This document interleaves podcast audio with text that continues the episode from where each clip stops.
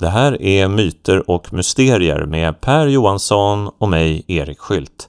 Innan vi börjar så vill vi särskilt tacka stiftelsen Psykosyntesakademin, utbildningar och terapi med plats för själen och viljan. Läs mer på psykosyntesakademin.se.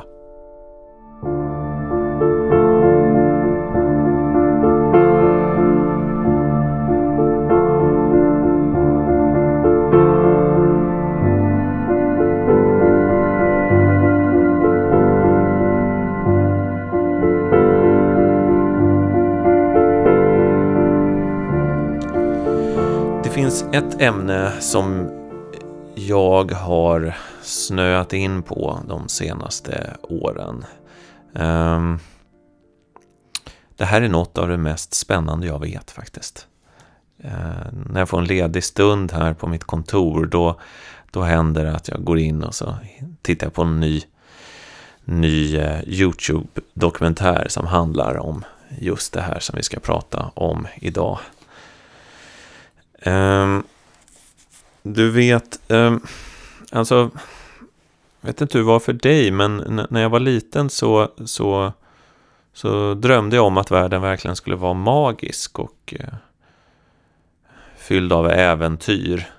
Det var inte bara de här fantasyböckerna som jag läste, utan det var uh, även saker som Tintin och Indiana Jones och uh, även Fantomen faktiskt rörde sig i de här trakterna. Lite så här barnsliga eh, liksom, pojkäventyr, men där var det ofta att, att det, var, det var något liksom mysterium som skulle lösas. Och eh, till sist så, så kom då hjälten fram och sen så visade det sig att allting egentligen var annorlunda än vad man hade trott. Och, oj, det här fanns kvar. Och va, allting var, var liksom mycket mer mystiskt än vad man hade trott. Och I de här fallen så var det ju inte, det rörde sig liksom inte så mycket på det andliga planet utan det var mer konkret. Och det handlade ofta om saker som var gömt i historien då. Och eh, jag tänkte jag skulle, eller att vi skulle prata om just det där idag. Eh, man skulle kunna kalla det för en typ av det är ett enormt fält. Man skulle kunna kalla det för alternativ arkeologi kanske. Ja, eller alternativ historia. Alternativ historia, ja. Mm. Eh, det här är ju någonting som finns, som finns som en viskning i vår civilisation idag. Eh, men det finns också som, som ett, liksom ett litet stråk i nästan alla kulturer och civilisationer världen över. Och det handlar om att eh, människan och vår historia är mycket äldre än vad vi egentligen tror. Ehm, jag, jag tänkte jag skulle börja med att faktiskt läsa ett litet stycke ur Bibeln. Jag ska bara hämta den. Mm. För att om, om man läser just början av Bibeln med öppet sinne så skulle man kunna eh, säga att den här alternativa historieskrivningen, den finns här. Och eh, det här är alltså ur första Mosebok och eh, det är alltså precis i början av Bibeln, kapitel 6 Ehm, det som har eh, hänt här är egentligen att ehm, Gud har skapat världen, det har funnits Eden och så har det syndafallet och så Adam och Eva och Kain och Abel och sen så har de fått lite barn. Sen står det så här, under kapitel 6 med rubriken Jättarna. När människorna nu började bli talrika på jorden och döttrar föddes åt dem såg gudaväsendena att människornas döttrar var vackra och de de tyckte bäst om tog de till hustrur. Då sa Herren, min livsande skall inte bli kvar i människan för alltid. Hon är dock av kött. Hennes livstid ska vara 120 år. På den tiden, och även senare, när gudaväsendena låg med människornas döttrar och fick barn med dem, fanns det jättar på jorden. Detta var urtidens hjältar och deras rykte var stort. Mm, mycket mystiskt. Ja. Det här är ju före floden då. Det är det som är Eller det hur? intressanta. Det är det som är Före det den intressanta. här stora katastrofen som ödelade enligt Bibeln hela jorden. Men man kan ju tänka sig att den ödelade stora delar av den då kända världen när man skrev det här. Kanske man kan tänka sig också. Oavsett så antyder det här, och det är många som har gjort stora pengar av detta. Det antyder ju att det skulle ha funnits någon sorts civilisation då. Innan den egentliga historien börjar. Exakt. För den här flodmyten, Noa i Bibeln, den finns ju i många civilisationer. Ja, ja. Det verkar finnas nästan världen över. Mm, I en eller annan form, verkar Mm. så ja. Mm. Och det man vet eh, rent geologiskt, det, det vet vi att om man tittar väldigt långt tillbaka i jordens historia så har det ju skett enorma katastrofer. Och det har varit eh, liksom, meteoritnedslag och det har varit eh, översvämningar och det har varit istider. Och det har varit stora, stora och det har varit bränder och vulkanutbrott och så. Så sånt vet vi att det har skett. Mm, mm. Och det har påverkat livet väldigt omfattande. Hmm, men här i Bibeln då, då antyds det, ja det finns någon typ av jättar och det finns gudaväsenden och de får barn med människorna. Och sen precis för kapitlet efter det här, eller stycket efter, är just Noa och floden. Mm, mm. Och efter det verkar allting börja om. Och eh, ja, eh, om man då lämnar böckernas värld och börjar titta ut i världen. Man kan ju lägga till för övrigt, förutom Bibeln då, om vi hänvisar till äldre, äldre historia så att säga. Det här, Bibeln här är ju ett exempel på äldre historieskrivning skulle man ju kunna säga, även om det inte är helt lätt att förstå vad det skulle kunna betyda egentligen. Eh, som sagt, det finns många spekulationer om det där. Men eh, i det gamla Egypten, alltså för många tusen år sedan, så fanns det eh, eh, långt innan de gamla grekerna. Alltså de gamla grekerna är nykomlingar jämfört med gamla Egypten kan man säga. Och de gamla egyptierna själva ansåg att deras civilisation var egentligen bara en, en, en, en, en, en sentida efterträdare till någonting som hade varit mycket, mycket större så att säga. Mycket mera fantastiskt. Där talade man ju också i termer av att på den tiden, alltså den här första ur civilisationstiden, så gick gudarna på jorden. Det påminner lite grann om bibelhistorien du just läste. Eh, Platon, som vi har pratat om i ett tidigt myter och mysterieprogram, han eh, återger ju också historien om Atlantis, som ska ha varit en civilisation som fanns egentligen innan det gamla Egypten det också. Ja, så att det här, det här är återkommande tema som Mm. långt ifrån har Mm. dött ut, om man Mm. säger så. Och det man frågar sig då är, okej, ja, eh, säg att det har funnits en, en, en eh, äldre civilisation än, än den som, de som är kända idag, alltså någonting före antiken, som egentligen kanske är mer högtstående än själva antiken. Fin- Finns det något, ja, det borde ju finnas någonting kvar från den tiden då. Och eh, där, eh, det som ofta brukar komma upp då är ju eh, pyramiderna Ja. vid Giza i Egypten. Som, de står där, de är enorma och man vet inte riktigt eh, hur de byggdes och vad de användes till. Och de där pyramiderna, det, det är, är, är sagt så mycket om dem så jag, jag tänkte faktiskt att vi skulle börja på en annan eh, plats. Mm. Mm. Eh, för att det finns nämligen ett ställe i Libanon som heter Baalbek. Och Baal då, B-A-A, eh, B-A-A-L. Eh, Det är ju den här gamle guden som, som, som är någon konkurrent till Javé Ja, i det är väl Bibeln. den kananeiska högste guden. Mm, exakt, ja. Man tror då att, att eh, namnet kanske kommer från, fr- från, eh, från den guden då. Här i Baalbek så finns det ett stort tempelkomplex med eh, romerska tempel. Det är Jupiter-tempel och Afrodite-tempel och Bacchus-tempel Mm. och sådär. Och de, de är väldigt vackra och väl bevarade. Och jag tror att det är just Jupitertemplet som är ett av antikens eh, mest bäst bevarade. Eh, jag har bara sett på bild, men det ser ju fantastiskt ut. Mm, mm. Och storslaget och allting. Och eh, man hänförs av att romarna då, för det här är ju byggt av romarna, att de kunde ja, alltså så vackra tempel och, och geometrin är så intressant och eh, Eh, utsmyckningarna är så fantastiska. Eh, men det här skiljer sig inte från hur det ser ut i Rom till exempel, eller i Aten eller andra delar i den antika världen. Det, det, det är de här eh, antika templen. Men det finns en liten detalj här. Och det är att de här templen är byggda på ett fundament eh, gjort av enorma klippblock. Alltså enorma stenblock. Uthuggna block. Uthuggna block. Eh, block som har flyttats dit.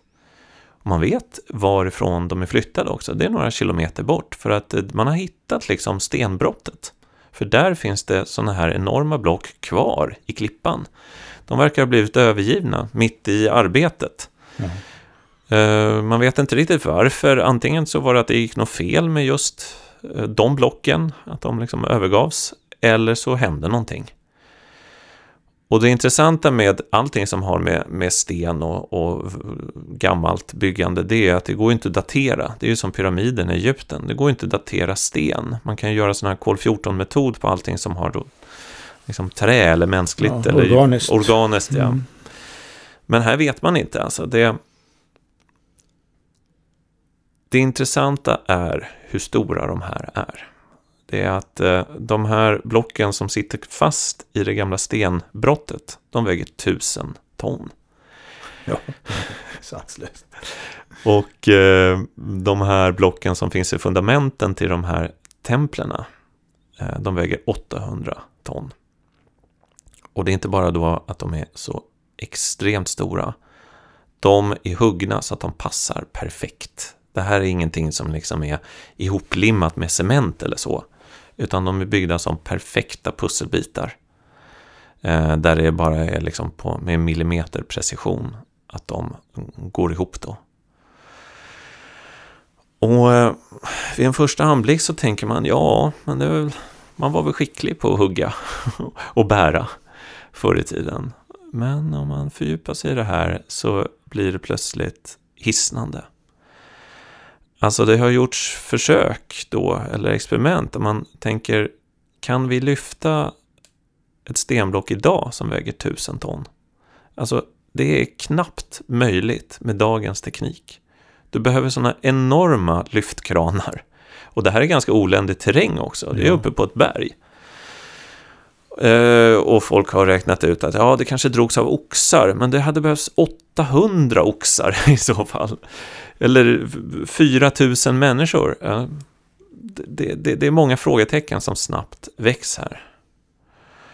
Och eh, tanken då som, som, som man behöver möta efter ett tag är, hur gjorde de? Vad är det här för något? Ja, det är som, precis som du säger. Det, hur, hur gjorde de? Men en stor fråga är ju också, jag har definitivt inget svar på den frågan, men det är ju varför i all sin dar? Vad är det för mening med att ha ett block som väger 800 eller för den delen 1000 ton? Vad, vad är liksom syftet? Var, det, det, alltså sån... Oavsett mysteriet med hur sjutton man, man ens högg, högg ut det eh, så perfekt å ena sidan och å andra sidan transporten då. Oavsett de rent tekniska, logistiska mysterierna så är ju på ett sätt det djupare mysteriet varför. Och det här är intressant för att det man vet från, från romarna till exempel, det var att de kunde bygga fantastiska saker som Colosseum till exempel. Men det är ju byggt av små stenar, ja, relativt det, små stenar ja. som sammanfogas. Även pyramiderna faktiskt är ju inte sådana här tunga block. Nej, det är ju också lite i och för sig eh, gåtfullt. Det är väl ingen som har kommit på något slutgiltigt accepterat svar på hur sjutton man byggde dem heller. Men där åtminstone de enskilda beståndsdelarna är på ett eller annat sätt hanterliga. Men det verkar de ju knappt vara där i Balbäck. Så då undrar man ju över det dessutom. Liksom. Eh, och det här väcker ju då många, många tankar. Och eh, jag känner mig när man närmar sig det här ämnet, att man blir ju som Tintin då. Att, Eh, alltså det, det, vi här har ju... Eh, alltså det, vi, vi försöker inte bevisa någonting eller egentligen inte ens argumentera för någonting.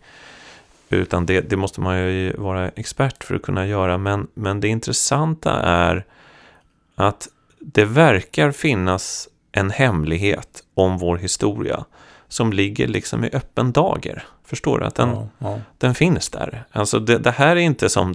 Ibland så rör ju vi oss ganska mycket i andliga trakter och det är ganska så sub, subjektiva saker eller personliga saker eh, som vi pratar om. Men det här är stenblock. De finns där. Det är bara att åka dit. Um, och förundras. Och uh, hmm, tänk då, och det är då den, den här äventyrliga tanken växer igen. Tänk om det är sant då, att det fanns en civilisation före det som vi tror är den första civilisationen. Och att det i den civilisationen fanns någonting som vi idag har glömt bort. En teknologi, eller ett synsätt, eller en typ av magi, eller ja, vad som helst som gjorde det möjligt för den typen, den tidens människor att framförallt att flytta saker. Och ja, hugga och, saker. Och ha någon sorts syften som är helt outgrundliga mm. egentligen. Mm. Man skulle kunna ställa samma fråga när det gäller pyramiden också för den, för den delen. Vad är, liksom, vad är meningen med denna massiva anhopning av geometriskt perfekt ordnad det stenblock? Vad, vad, vad, vad, det, det är ju någonting med själva massiviteten i, sig som, som är så underlig. Det må, jag har ju personligen svårt att föreställa mig att det inte skulle finnas ett syfte med just det. Att det har någon innebörd i sig. Och, och, och med tanke på den eh, extrema arbetsinsatsen, oavsett hur det gick till. Extrem teknik eller extrem arbetsinsats eller vad det nu är som eh, ligger bakom det där så har jag, ju, jag har ju faktiskt svårt att föreställa mig varför man skulle göra det om det inte fanns ett syfte med själva massiviteten i sig. Jag är inte man att spekulera i det. Det finns ju olika spekulationer, men, men eh, pyramiderna är lite egendomliga överhuvudtaget tycker jag, för att de stämmer inte överens med vi skulle i och för sig inte prata direkt om pyramiderna, men, men de hör ju hit. Mm. De, de, stämmer ju på ett sätt, tycker jag i alla fall, inte riktigt över, överens med eh, väldigt mycket av övrig egyptisk. Alltså man kan knappt kalla en pyramid för arkitektur på ett sätt. Om, om man tittar på de övriga templen och sådär, de är, de, de, vissa av dem gamla eh, består ju också av väldigt stora och exakt eh, eh sammanfogade block som man undrar hur sjutton de gjorde egentligen. Så de är ju lite gåtfulla i sig också. Men de, de, har, de, de ser ju i alla fall ut att ha någon sorts begriplig funktion. De är väldigt massiva och de är väldigt... Eh, jag kan, vad, ska, vad ska jag kalla det? Men det, det, finns någon sorts begriplighet i dem i alla fall. Både symboliskt och vad de kan tänkas ha använts till. Men pyramiderna är det svårt att föreställa sig ens vad, vad de... De är liksom alien i sig. Mm. Mm. Även i sin egen kontext. Mm. Och syftet, jag menar i skolan, jag minns ju att jag var ju väldigt, jag har berättat om det tidigare, att jag var liksom både väldigt rädd för det gamla Egypten och mumier och sånt, men jag var också otroligt fascinerad. Och då skolan och än idag så får man ju lära sig att, att de stora pyramiderna var ju gravar. Och just den här största då eh, är då eh, farao Keops grav. Och, och i, i mitten av, av eh, pyramiden så finns det en gravkammare då. Och den kan man ju besöka än idag. Det står en sarkofag där som är tom. Men hmm, även det här kan man snöa in på, det har jag gjort. Ja. Det är, ja, ja, blir väl folk sura som har studerat egyptologi här, men det, men det ingår, för det här är ju en alternativ eh, egyptologi och en alternativ historieskrivning. Och, och den säger ju då att eh, pyramiden är absolut inga gravar. Nej, det, har jag, det tror jag verkligen inte att det är. Nej. Det, det, det, det, apropå att det är svårt att föreställa sig vad syftet är med pyramiderna. Att föreställa sig att man skulle göra detta för, som, som en grav. Det, orimligheterna hopar sig, för mig i alla fall. Om man utgår från att människor även på den tiden funkade eh, igenkännbart någorlunda som vi i sina vad ska man säga, prioriteringar och hur mycket man investerar i saker och ting och hur man, hur man hur, man, hur olika det gamla Egyptens föreställningsvärld än är vår så går den ju åtminstone att närma sig. Och, och mm, de övriga tempelkomplexen och sånt där har en väldigt tydlig också eh, i vissa fall i alla fall en geometrisk symbolik som, som återspeglar eh, i grund och botten doktrinen om relationen mellan makrokosmos och mikrokosmos. Där mikrokosmos är människan då. Så proportioner och sånt där har med olika mänskliga proportioner att göra till exempel. Eh, förutom att det enligt vissa i alla fall kan ha med olika astronomiska eh, geometriska eller konstellationer att göra. Ehm, så där finns, där finns någon sorts... Där går, även om det alltihop är spekulativt, vare sig det är konventionell egyptologi eller inte, så, så eh, finns det liksom vissa rimliga grunder för spekulationerna. Även de mest avancerade och mest accepterade. Men när det, gäller, när, när det gäller pyramiderna så, och, och, och, bara utan vidare påstå att de är gravar och så tror man att man har klarat ut det. Det, det, är, det är lite grann samma som, som när man i, i, i arkeologi här i Sverige tar stenåldersarkeologi som jag har haft en del att göra med tidigare. I Sverige så hittar man till exempel ett, ett märkligt fenomen är att man i vissa våtmarker eller på sjöbottnar hittar ansamlingar av eh, väldigt vackert utformade, aldrig använda stenyxor, flintyxor. Det är lite märkligt då. Då säger man att ja, det är offergåvor. Ja, jo, men det kan väl ligga någonting i det. Men så fort det är någonting man inte begriper, liksom, som inte har någon sån där direkt ekonomiskt eller försörjningsmässigt begriplig innebörd, så, så säger man ja men det är en kultplats. Mm. Eller en offerplats. Mm. Och, och då så tror man att man vet vad man har, vad det är. Men vad då offerplats? Vad då kult? Var, varför? Alltså varför frågan är ju fortfarande obesvarad. Och, och, och, och pyramidfrågan för mig är en sån fråga i, i kubik liksom. Eller i, ja. Och så kan man ju fantisera att när, när, när framtidens arkeol arkeologer kommer gräva i myllan och hitta vår civilisation, då kommer de väl göra samma slutledningar, att de hittar någonting som de inte alls förstår och då säger de, ja, det är ett kultföremål. De hittar en, en iPhone som bara är någon platt, platta då, så säger de, ja, det är kultföremål, sånt där de höll på med, men, men själva funktionen är helt dold för ja, dem då. Ja. Så att eh, det, där, det där ska man vara även om man, även om man ser sig själv som rationell och inte tror på en massa alternativa konstigheter. Så det där ska man vara väldigt försiktig med när sådana här påståenden, eller skeptisk när, när sådana här påståenden dyker upp. Om någon säger att någonting är en kultplats eller ett offer, offerföremål eller, eller grav eller vad det nu är för någonting så, så är det som regel oftast bara någonting man säger för att slippa tänka för mycket på det.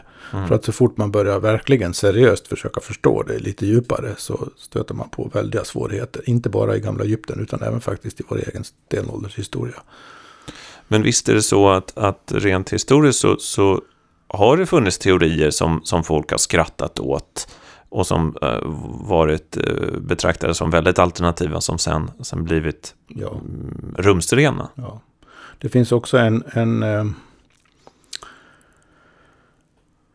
en underliggande anledning till, till vad man skulle kunna kalla den konventionella eller akademiska eller etablerade skepticismen mot alternativ historia och alternativ arkeologi.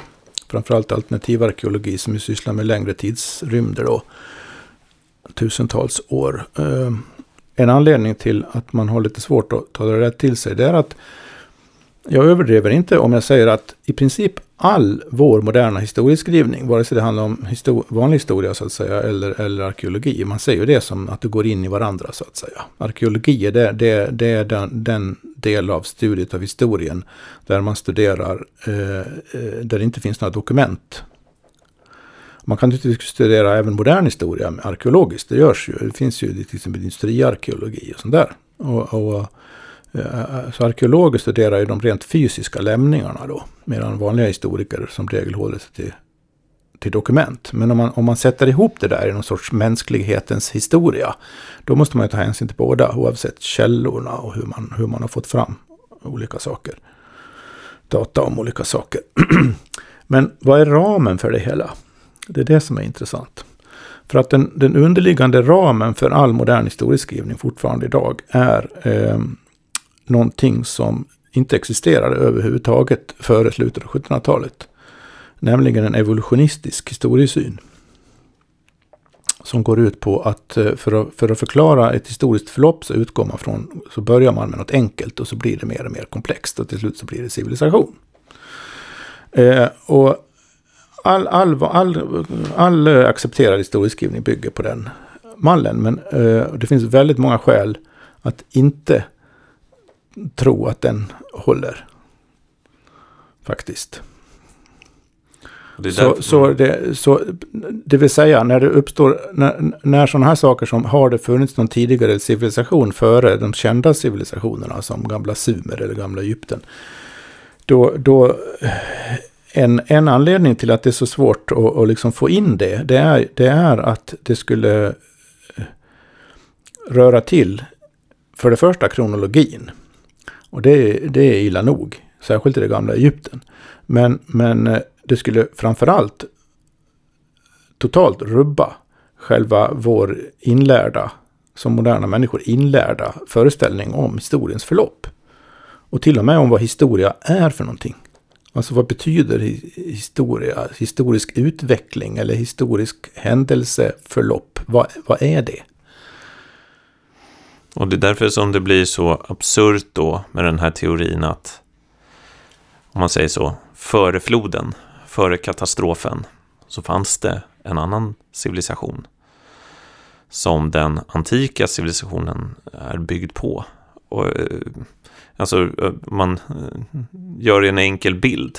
Ja, det är mm. också mm. intressant vad man tar på, all, på allvar. Liksom man, man, till exempel, det mest kända exemplet eh, på när någonting som förekommer i någon gammal så kallad myt eller liknande, eller en sån gammal lite mer fantasifull historieskrivning, visar sig vara, ha en historisk grund. Det är ju, det är ju när man eh, insåg att eh, den här historien om Troja hos Homeros faktiskt eh, inte bara betyder att Troja har funnits på riktigt utan till och med mer eller mindre talar om var det var någonstans. Och så har man kollat upp det där och 1800-talet någon gång. Så det, hittar man Troja liksom. Troja, Va? Ja.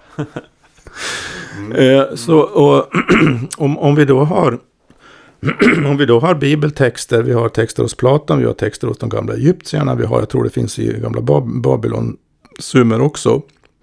Eh, de här gamla civilisationerna själva säger att det har funnits civilisationer före oss. Eller det finns olika tecken som går att tyda i den riktningen i alla fall. Eh, det kan man ju inte acceptera. Då. Men så, idén är helt enkelt lite krasst att eh, det kommer ett, ett, eh, ett folk som är på någon typ av stenåldersnivå till Nildeltat för några tusentals år sedan och eh, wow, här står det några pyramider. här är det en svings. Ah, vi börjar bygga vår civilisation här. Och det blir då, ehm, det blir då eh, den e-, egyptiska civilisationen, det gamla Egypten. Men det är liksom byggt kring någonting som inte ens de heller förstår. Ja, just det. Det är en möjlighet. Och, och, samma sak skulle vara då i det här Baalbäck då, att eh, romarna kommer dit, eller om det är det kanske fenicier eller greker eller något sånt eh, tidigare där. Ehm, och eh, så är det, här ska vi, bra plats att bygga ett tempel. Men fundamentet, det vet inte de, vem som drog dit det. Liksom det, det. det, kan inte de göra med sin... För det vet man att romarna kunde till exempel inte lyfta så här stora stenblock. De hade inte någon sån teknologi. Mm och egentligen inte kunna hugga ut dem heller. Ehm, så att, ehm, och de är ändå bra på att lyfta saker. De tog ju liksom ehm, sådana här obelisker med sig från Egypten till Rom. Så att de var bra på att forsla tunga saker. Men de här stenblocken är då ännu tyngre. Men eh, jag, tänkte också en sån här idé, jag kollade upp det här, finns det någonting man har skrattat åt tidigare eh, som sen blev etablerad vetenskap? Kontinentaldriften är väl ett sånt område? Just det. Att när, när man fick eh, lite kläm på hur hela planeten såg ut så var det många som sa, vänta nu, det ser ju ut som att Sydamerika och Afrika har suttit ihop. Nej, det där är bara en slump, det är klart de inte har. Men sen så forskar man och forskar och till slut så kommer man fram till att nej, men det finns kontinentaldrift och de har suttit ihop. Det är pusselbitar som glider isär. Det där är dessutom en väldigt sen, sen, vad man skulle kunna kalla bekräftad idé. Jag tror, om- om jag minns rätt nu så dök den väl upp första gången någon gång på 30-talet eller något. Och först, först ganska långt därefter så har, har det blivit standard i geologin. Så att det är inte det är bara några decennier som, som det här har varit en accepterad teori. Nu får man lära sig det i skolan. Och får man lära sig i skolan så är det ju sant så att säga. Ja, Eh, och, och, men det, det är ju vetenskapen, historien, geologin, arkeologin, allting egentligen förändras ju hela tiden. Men de riktigt stora förändringarna i synsätt, de förutsätter ju att de där underliggande förgivettagandena blir radikalt ifrågasatta mm. av tillräckligt många. Och eh, som det här jag sa om den evolutionistiska historiesynen, att, att, att det är en utveckling från det enkla till det komplexa eh, under en viss tidsrymd som man har bestämt. Man kan ju tänka sig att det finns en sån utveckling, men frågan är om tidsrymden man har enats om i konventionell historieskrivning är, är, är, stämmer eller inte. Eller också stämmer inte själva idén överhuvudtaget eh, heller. Men grejen är att när, när man är oense om, när man Alltså en ny syn på historien, så pass fundamentalt ny syn på historien är bara möjlig om tillräckligt många verkligen ifrågasätter den här egentligen grund och botten filosofiska grundidén. Eh, och inte nog med det, också någon hittar en tillräckligt stark alternativt sätt att sortera saker och ting Mm. på som man kan enas om då så småningom. Det här tar ju jättelång tid, en sån process. Och det märker man ju särskilt om man eh, fördjupar sig i, i hur man talar och skriver om det gamla Egypten just nu så, så märker man ju rätt snart att, att det finns två stora fåror. Det finns den etablerade, den akademiska och så finns det den alternativa. Och, och de här verkar ha väldigt, väldigt svårt att prata med varandra. Det är, det är liksom, Ja, det är ett enda käbbel. ja, från, bo, från, från alla håll då förstås. Ja, jag ska, den konventionella arkeologin gör väl sitt bästa, åtminstone officiellt så att säga, för att, för att inte ens bry sig om den alternativa. I den mån den tvingas förhålla sig till det så är det nej, dumheter ungefär. Mm. Och egentligen på sätt och vis spegelvänt på andra sidan att alternativarkeologerna, som ofta är amatörer, säger till de här etablerade forskarna att är ni, är ni helt dumma i huvudet? Vi har ju de här och de här data. Jag menar den och den geologen har sagt detta. Den kan inte, det allt från eh, erosionsfenomen på Sphinxens bas till vad det nu kan vara för någonting som, som någon geolog säger att det där, kan inte, det där måste ha hänt när det var mycket vatten, regn i Egypten och det har det inte varit under den period som ni konventionella arkeologer säger att den har eh, kommit till.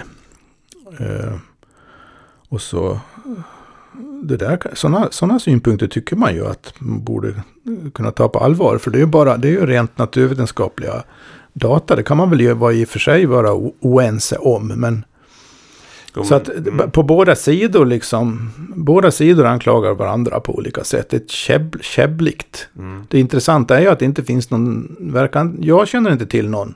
Om det är någon lyssnare som känner till någon så får de gärna skriva till oss. Ehm, känner inte till någon som seriöst, på allvar, har placerat sig mellan de här länderna. Nej, det är sant. Utan antingen hamnar man i det ena eller det andra facket. Men just den där detaljen du nämner med den här erosionen på svingsen är ganska intressant ändå. För att e-, enligt traditionell egyptologi så är ju svingsen, ja men den är ju gammal, men den är väl, ja, den är ju ändå under antik tid liksom. Eh, eh, men eh, det märkliga är då att de här alternativa forskarna har hittat att det, det är på då den här fundamentet eller basen till Svingsen så finns, ser det ut som att det har varit erosion då, som att det har runnit vatten där. Och då har de här alternativa forskarna tagit bilder på det och sökt upp geologer och sagt hej, vi, vi har hittat den här typen av erosion, studera det här, vad, vad, vad kan det här vara, vad, vad, kan ha hänt här? Och då säger de, ja men det här, är, det här känner vi till och de bergarterna som finns, det här är, det, vi vet att det här är ett kraftigt regn. Eh, ett regn som finns kanske, ja, lite mer i sådana här regnskogsområden. Och då så börjar man fundera, hmm, när regnade det sist så mycket i egyptiska öknen? Där är det ju väldigt torrt, det regnar ju aldrig där nu för tiden. Och då visar det sig att jo, men om man då eh, daterar om svingsen och säger att den, den är liksom 10 000 år äldre än vad man har trott. Då var det eh, en, en, då var öknen en grönskande plats. Och också Nilen gick annorlunda. Så ja, Nilen gick känt, då precis vid pyramiderna. Det där är ju känt från alla möjliga vetenskaper. Sahara var ju ingen öken för så pass Nej. länge sedan. Utan det var ju ganska mm. fuktig skogs, savann, blandat mm. område. Då kan man gå in, om vi bara gör det, vi, helt öppet här nu och bara, eh, alltså av ren nyfikenhet eller kanske äventyrslust, kan man ju titta på de teorier som, som finns då. Vad, vad är det här med floden? Vad är det för undergång? Um, vad är det som har hänt här? Um, och då uh, finns en uh, teori som jag har kommit över som är att det handlar om någon typ av nedslag, någon komet eller met meteor, vad heter det? meteor. Mm. Eller meteorit. Är det mm. meteoriter som slår ner på jorden? Mm, det är det väl. Mm, och då så har man hittat någon sån nedslagsplats uppe vid Grönland. Det ligger liksom halvt dolt under is fortfarande. Och den skulle kunna ha skett något 10 000 år före Kristus. Ungefär i slutet av istiden, senaste mm, istiden med mm, andra ord. Precis, och där skulle kunna ha hänt någonting. Uh, och det skulle kunna leda till en enorm översvämning världen över. Sen har vi det här med istiden som också är intressant. Att vi vet ju att under istiden binds otroliga mängder vatten. Eh, det binds ju till de här enorma isarna och de börjar smälta och det blir sötvattensjöar och efter ett tag så kollapsar de här sötvattensjöarna. Och det kan också bli då till enorma översvämningar som påverkar stora, stora eh, areal eller vad heter det, ytor eh, över jorden. Sen finns det en lite mer spekulativ att det handlar om eh, eh, det här eh, sundet mellan Europa och Afrika, Gibraltarsund. Gibraltar ja. mm. Eh, för det vet man att det historiskt sett har kollapsat då och eh, att på ganska kort tid så dränktes den ytan som är då Medelhavet. Eh, men enligt den traditionella historieforskningen så, så skedde det här för miljontals år sedan. Men nu finns det andra som vill lägga det där mer i nutid och säga att ja, men det kanske hände mer i nutid och då, då, då kan liksom stora arealer ha översvämmats. Och sen så finns det andra eh, fenomen. Det handlar om liksom eh, Nordpolen och Sydpolen, magnetiska Nordpolen och Sydpolen ändrade, eh, ändra, eh, bytte plats med varandra. Det ska tydligen kunna ske. Det kan leda till stora, stora förändringar i väderfenomen kan ha lett till att eh, Saharas öken bildade och sånt bildades. Ja, det finns ju hur mycket som helst sånt Ja, ja, man måste vara expert på alla möjliga ämnen och olika experter måste e-, enas om, om hur, vad evidensen säger och så vidare. Det där, jag, jag, jag hör varken du eller jag hör ju till de som är kapabla att bedöma det där. Olika personer kan göra olika scenarier mer eller mindre trovärdiga. Um, en sak som slår mig när det gäller de här sakerna. Alltså jag är ju lite som du i och för sig. Va? Jag, det, det, det, det är något... Eh, det finns ju någon sorts barnslig nästan, men egentligen dumt att säga så, men någon sorts öppen, nyfiken fascination inför, in, in, inför möjligheten att saker och ting skulle kunna vara helt annorlunda än man tror. Inte, inte bara i eh, liksom, hur man ser på världen utan eh, när det gäller själva världen. så att säga. Vad som faktiskt har hänt och vad som faktiskt finns. Eh, det är ju det det handlar om, om här. Det är ju, det är ju någon sorts... Det är någon sorts motivation bakom att intressera sig för sådana här saker överhuvudtaget. Det är liksom lite mittemellan, mittemellan att läsa en, en fantasyroman och en historisk eh, faktaskildring. Det handlar liksom mittemellan där på något sätt. Det har lite fantasy, lite, den här fantastiskheten finns där samtidigt som det påstår sig vara eh, på riktigt. Eh, den hy hybriden mellan på riktigt och fantastiskt är lockande tycker jag i alla fall. Um, sen finns det en, en finns det en annan aspekt som inte är lika rolig för mig på något sätt. På, för att ibland, ibland känner jag också att alla sådana här konkreta saker som de här klippblocken i Balbäck eller till och med nästan pyramiderna ibland. Att, att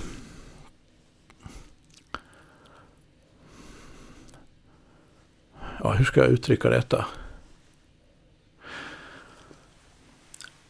Det, det, är som om man, man stöter i en vägg. Man kommer, stöter i en vägg. Liksom om, det inte, om, om man inte får tillräckligt för en själv övertygande skäl att tro att den ena eller den andra förklaringen eller, eller uppfattningen om vad det är frågan om och vad som hände och varför. Vilket jag inte känner att jag har när det gäller de här sakerna. Då, då, då går man liksom in i någon sorts mental väg som innebär att, det, att intresset försvinner. För att vad, vad ska man göra med det? Liksom?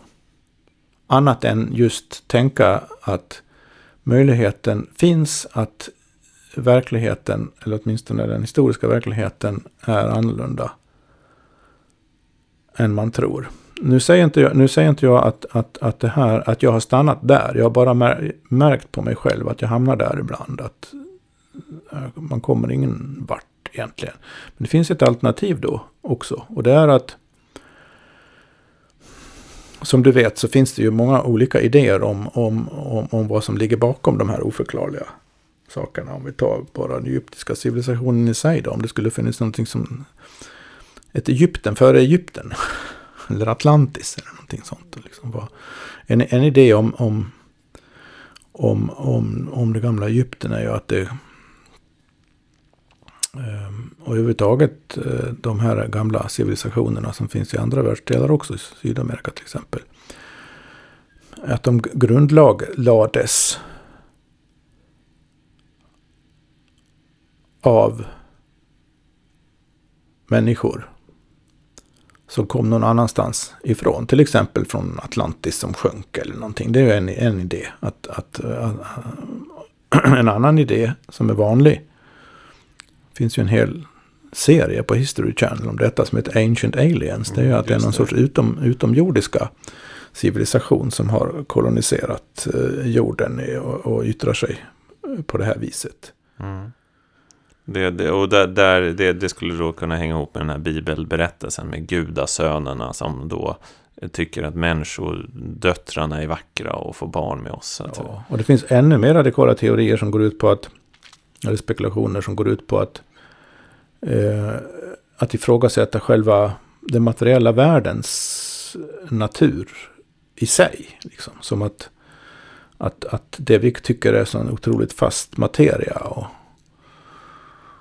tydliga materiella händelseförlopp. Att det är själva verket eh, gränsen mellan det immateriella och det materiella är mycket mera mycket mera flytande. Det, är ju, det skulle ju ifrågasätta väldigt grundläggande saker då. Det skulle till exempel kunna betyda sådana saker som att, att de här gudasönerna är då någon sorts andliga varelser som kan ta sig fysisk gestalt.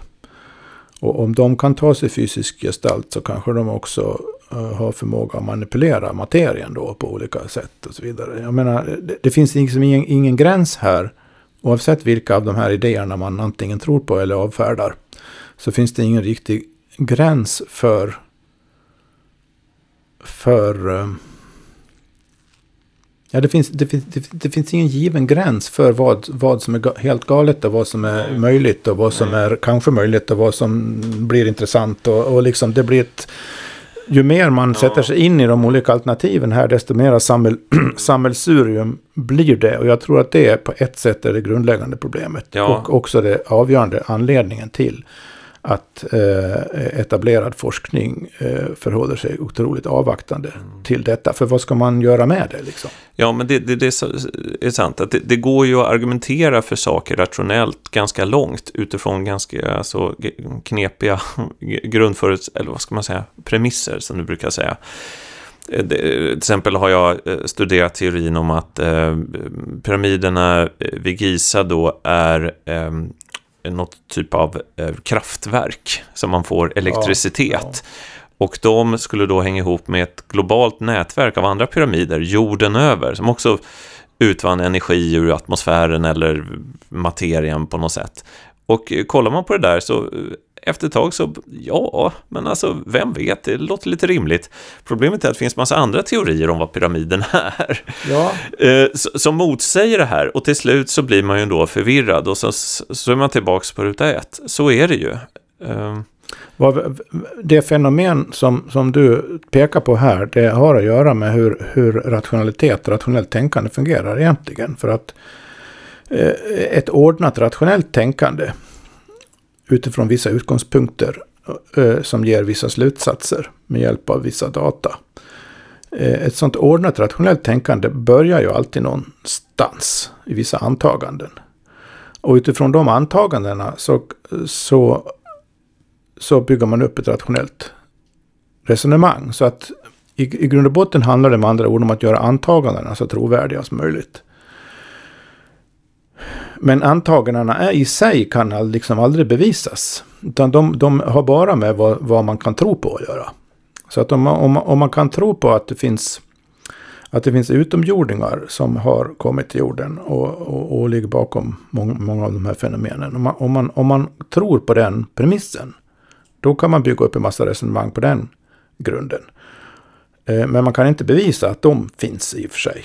Så att alla kommer överens kan vara överens om det. För vad betyder det? Jag menar, är det, är det människor från andra planeter? Är det, är det helt andra typer av varelser? Eller i vilket fall som helst är det materiella varelser? Eller, eller är det immateriella varelser? Eller som vissa kristna tänkare säger att det är demoner. Vad är, vad är det liksom? Eh, och, oavsett vad du väljer där så kan du bygga upp ett rationellt resonemang. Alltså så, så, så och detta är en perfekt analogi om vi går tillbaka till 1500-1600-talet i Västeuropa.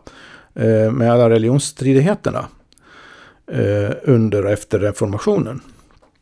Där det var ett otal olika kristna sekter byggde fullständigt vattentätt rationella resonemang utifrån sina respektive premisser. Och var så, alla var så övertygade om att de hade rätt.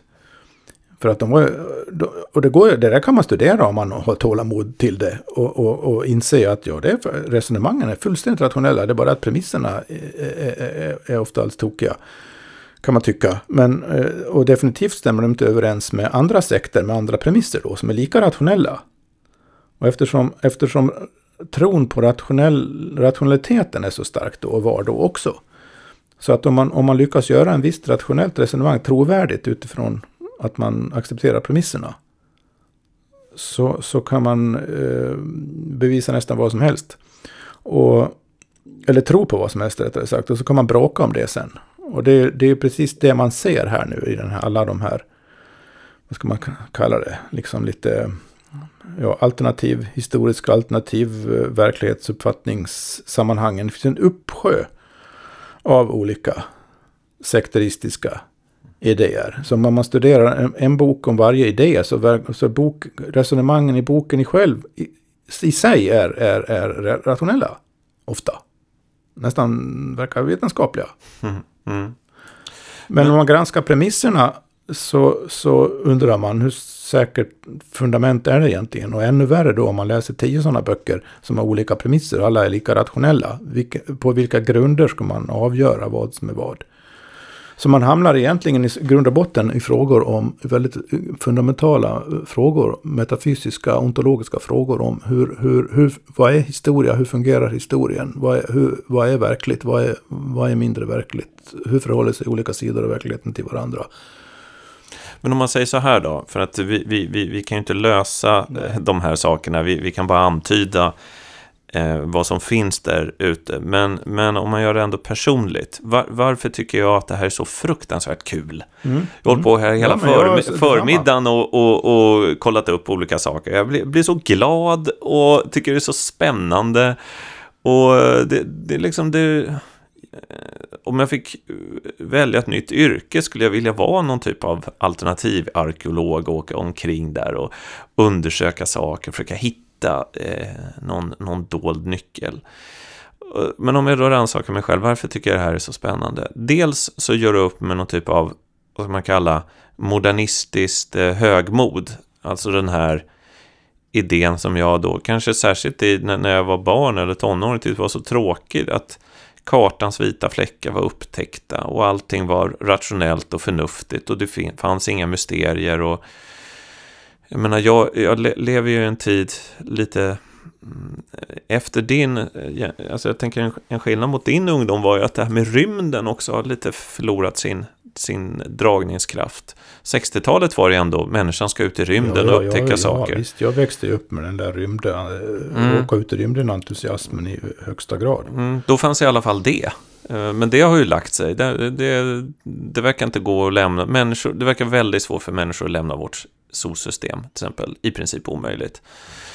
Uh, ja, vad finns mer att upptäcka? Nej, allt det är som det är och människan är en maskin till största delen. Det är, för mig är det här hela grundförutsättningen att vi börjar med de här programmen för att, ja. för att undersöka. Ja, men, finns det någonting i den här då väldigt moderna samtida eh, synen på verkligheten som, som inte stämmer? Och, och varje litet tecken på att det finns någon spricka blir då då väcks äventyret till liv igen. Och, och in, inom de här områdena så det kan vara något så lite som en, en vas på Egyptiska museet i Kairo som är då gjord av eh, granit eller porfyr, något sånt här väldigt, väldigt eh, hårt material och sen så visar det sig att hmm, Eh, vi har knappt maskiner idag för att kunna då eh, liksom svarva fram en sån vas ur stenen. Hur gjorde de? Ja, men, ah, det finns någonting, tänk om det finns någonting vi inte vet.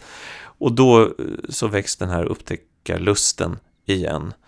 Och jag tror det går tillbaks till den här upplevelsen som vi har kommit tillbaks till många gånger här, att det, i vår tid är det svårt att vara en äventyrare. Alltså det finns inte så många äventyr kvar jämförbara med i början av 1900-talet i, i Sverige, liksom i någon typ av väckelserörelse där du kunde bli missionär, du kunde ge dig ut i världen, åka till Indien, Kina, vad som helst. Ja, du kunde bli upptäcktsresande och allt möjligt. Ja, allt möjligt. Och det där verkar, det finns inte kvar. Men här så är det ett litet frö då.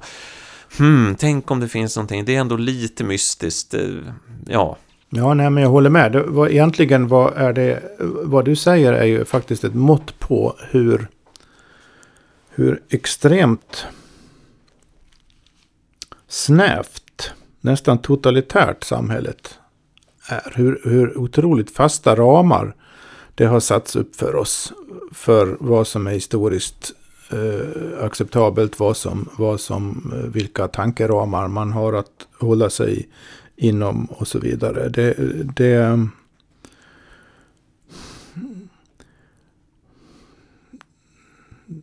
man kan ju tolka det som någon sorts symptom på instängdhet.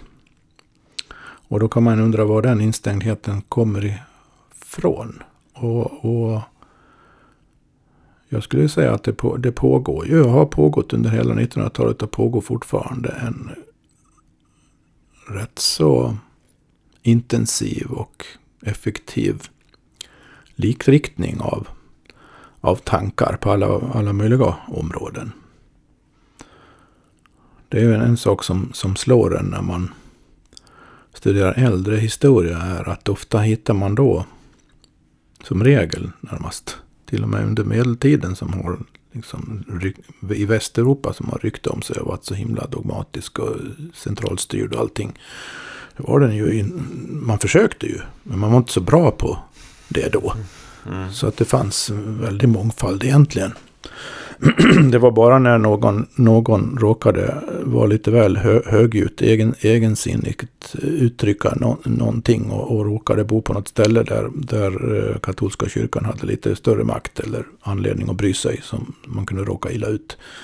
Det var ganska många som gjorde det i och för sig, men i, i det stora hela på medeltiden så var ingen som brydde sig om och, och, och vad vanligt folk gick och tänkte och spekulerade över.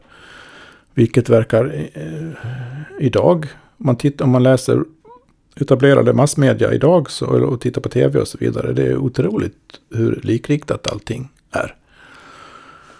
Och jag undrar om inte det, om, om inte det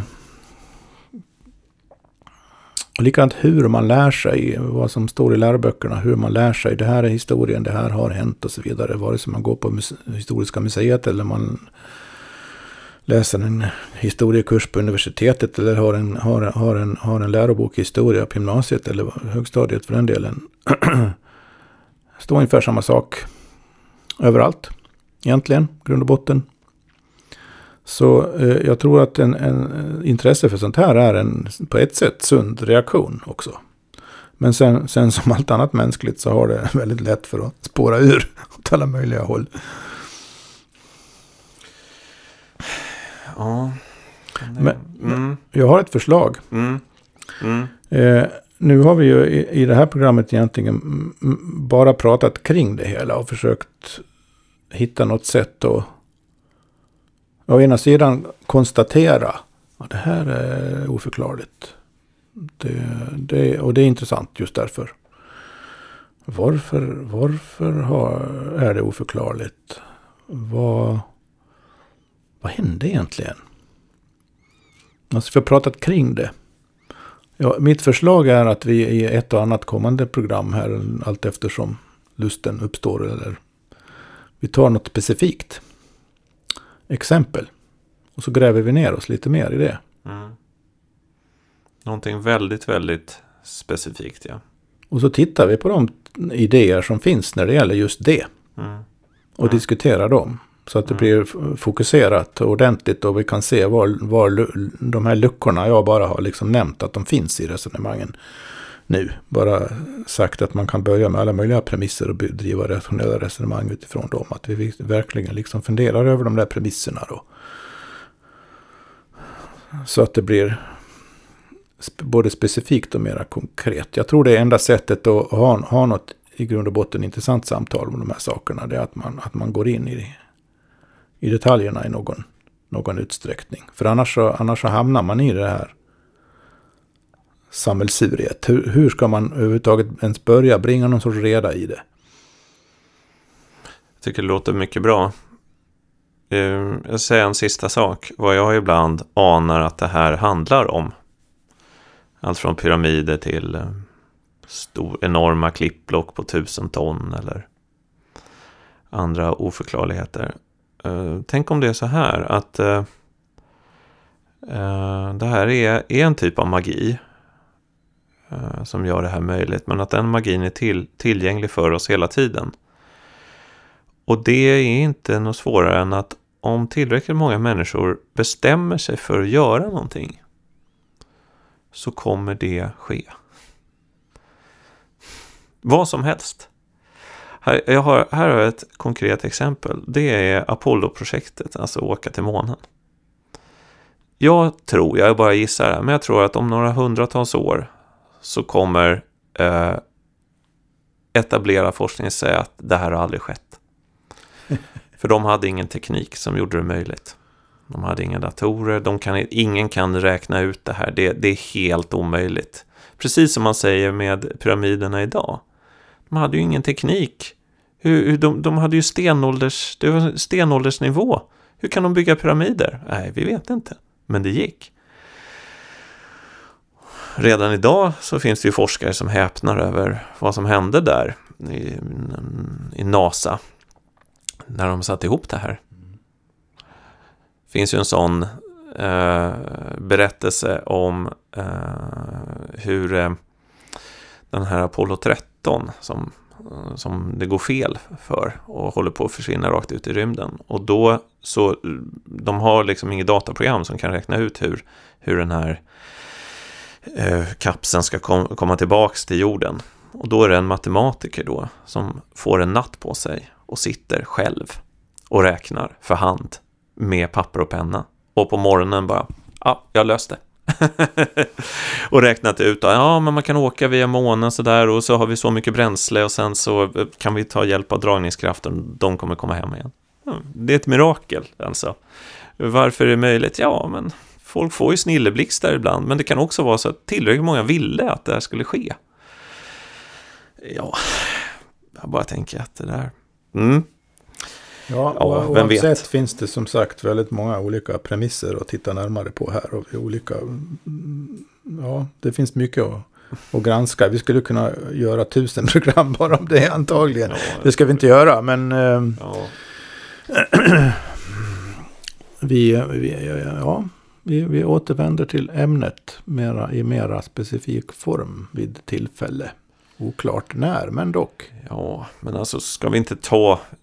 Alltså, ska vi inte ta oss an den stora pyramiden då? Ja, Keopspyramiden, är det inte det som vi måste sätta tänderna i? Det är ju ändå det mest spännande. Ja, det är ju det. Det blir, det blir nästan mer än ett program om det då. Mm, kanske, men eh, får vi säga det till lyssnarna. De, om ni är med oss framöver så, så ska vi försöka lösa då mysteriet med Keops pyramid.